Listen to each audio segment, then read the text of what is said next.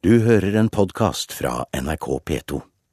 I bakgrunnen for en av gigantene i russisk litteraturhistorie, så finner vi en viljesterk kvinne med ben i nesen. Da Leo Tolstoy skrev sine mesterverk 'Anna Karenina' og 'Krig og fred', så leste konen hans, Sonja, korrektur og fungerte som en slags sekretær.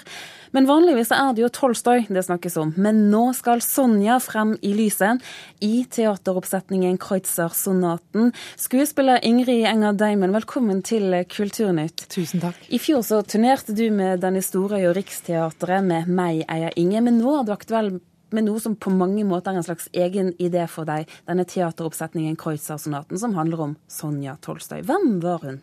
Jo, hun var eh, en fantastisk dame som har fascinert meg i mange, mange år, egentlig. Eh, hun var meget intelligent. Hun var eh, god både i piano og skrev og tok mye fotografier, som jo var veldig nytt på den tiden. Eh, og hun var da selvfølgelig hans Tolstoys venstre hånd på mange måter. Hun var jo hans eh, sekretær, forlegger, eh, kone, elskerinne. Ja, alt sammen. Til, til god støtte for sin mann. Absolutt. Absolutt. Og du sier at hun har fascinert deg i mange år. Ja, faktisk. Hvor langt, hvor langt tilbake går historien mellom deg og Sonja? Ja, nå, Jeg er ikke så gammel, men nei da. Jeg, det, det, var helt tilbake i mine skoledager når jeg utdannet meg til skuespiller. Så kom jeg over en bok om dagbøksitater fra store kvinner. Og der var Sonjas noe av hennes dagbøker. Og jeg ble så fascinert. Jeg synes hun, var så Hun virket så så klok. Og så gikk jeg litt, gravde jeg litt lengre og fant dagboken i et sånt antikvariat i London. Og eh, begynte å lese og begynte å lese om dem og begynte å liksom grave i dette og syntes dette var en fantastisk merkelig forhold. Um, så, så det, og så har jeg brukt lang tid på, måte på å komme fram til det som vi nå skal spille, da, endelig, etter mange år. Um, så, så, nå er jeg ekstremt spent og veldig glad for at dette skal skje. Ja, for, for på, på, fredag så står du på scenen som Sonja i ja. Kreutzer-sonaten her, her, i Oslo. Det er en urpremiere, og denne ideen din den går langt tilbake i tid. Hvordan, mm. hvordan du, du, er spent, sier du, men hvordan mm. blir det endelig liksom skal fremføre det for et publikum? Jo, det blir veldig interessant interessant, for vi har vært innom så mange faser. For vi har både eh, Jeg har skrevet det som monolog, jeg har skrevet det som eh, dialog. Vi har prøvd mange varianter, og det har blitt både dokumentarisk og mindre dokumentarisk, og funnet på ikke Men nå, eh, når vi nå gjør det nå, så er det rett og slett dagbøksitat. Kun fra dagbøker og korrespondanse.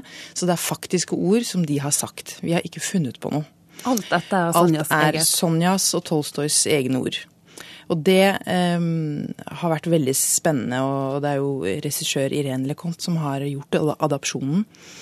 Um, men det som også var så uh, fascinerende, som var vanskelig for Irene, vet jeg, var at vi måtte, vi måtte, rett og slett skrive Tolstoy ut uh, etter en lang overveielse. Han skulle egentlig være med, men han ble skrevet ut. Så da ble det en monolog til syvende og sist, som jo var egentlig utgangspunktet mitt.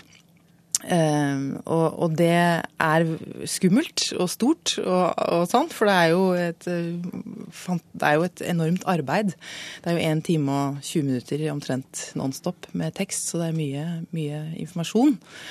Um, men det er uh, det har vært viktig å få han bort òg, for han er så stor. Han er et geni som har sagt og skrevet utrolig mye interessant. Og Gandhi har jo tatt mange ideer fra Tolstoy. Så det er liksom en sånn Du, du kan ikke komme bort fra denne fantastiske mannen. Og måtte, derfor så måtte vi ta han bort. Dere måtte ta han bort for å gi For å gi Sonja, så ikke hun skulle, som Irene sier, du hadde blitt en mygg, Ingrid. Du hadde blitt en mygg. og den myggen ville vi Den myggens historie syns vi er viktig. Så, så... Hvorfor er den viktig? For det er noe med dette, denne, denne kvinnen som eh, sto bak eh, dette geniet. Det er, denne, dette er jo en velkjent historie. Det er jo mange store kunstnere som har en kvinne som står bak. Eh, men i denne historien så er det jo også en tragedie, for det, har, det er på en måte et det går så galt til slutt. Denne enorme kjærligheten som disse to har seg imellom. Um, den, det går galt. Han går fra henne rett og slett to uker før han dør. Og han har da på det tidspunktet opparbeidet seg en veldig stor skare av etterfølgere som ble kalt tolstojanere. Som eh, fulgte veldig opp hans ideer, for han ble jo en eh, han, han, ble jo en kristen midt i livet. Så fikk han en slags dødsangst og, og omvendte seg og ble veldig, levde veldig asketisk. og og snudde egentlig ryggen til alt det de hadde bygget opp sammen over ja, da var det vel noen og 20 år og 13 barn og, og sånn. Så, så, han på en måte vendte ryggen til hele det livet de hadde levd. Og sa at nei, dette var bare tull og tøys, og nå, nå må du også gjøre det. Og det var hun ikke villig til. Sånn at uh, den kjærlighetshistorien deres uh, kostet dem veldig mye. Og det er jo så interessant å høre hennes versjon, for hun har eh, stort sett blitt frem eh, Eller husket kanskje mest for sitt hysteri til slutt.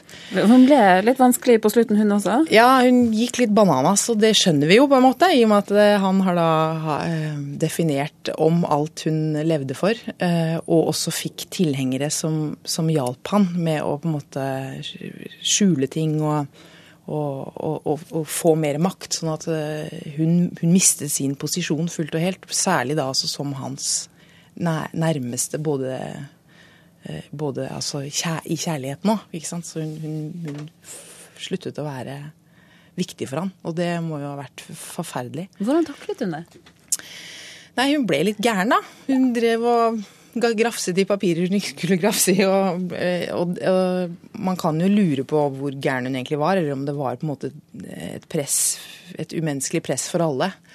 Um, og som hun sier, og som vi har med i stykket, så følte hun jo at hun levde i et glasshus. At alle liksom så alt og noterte alt. Han hadde jo sånn, disse følgesvennene som gikk rundt og skrev ned alt, absolutt alt han sa og gjorde hele tiden. sånn at det, det var jo noen i, mellom dem hele tiden de siste kanskje ti årene, da, var, eller ja, fem årene. Så det er klart, det å leve i Se og Hør er jo ikke så greit. Eh, og nå på fredag så står du der på scenen som ja. Sonja i det som du har valgt å kalle Kreutzer-sonaten til mm. slutt. Hvorfor mm. akkurat det navnet? Jo, for eh, Kreutzer-sonaten er også navnet på en sonate av Beethoven. Men det er også en bok som Tolstoy skrev. Um, og den boken er på en måte spikeren i kista på mange måter for, for, for forholdet deres. Eh, for han utleverer henne helt og holdent og totalt. og Utleverer deres ekteskap. Eh, og han beskriver eh, hva han mener alle mennesker bør gjøre, og det er å slutte å ha sex, rett og slett. Han mener at man skal være esketiske. Og ikke drive med sånne At det, det er liksom den største tragedien i menneskets liv, er soverommets tragedie påstår han da i denne boken. Så det var jo litt, eh, litt for mye for henne, på en måte. Og således kanskje også et naturlig valg på teaterstykket. Ja. Ingrid Enger Deimen, takk for at du kom hit til Kulturnytt. Vi skal Tusen høre litt fra musikken. Dette mm. er Beethoven og Kreutzer-sonaten. Du har hørt en podkast fra NRK P2.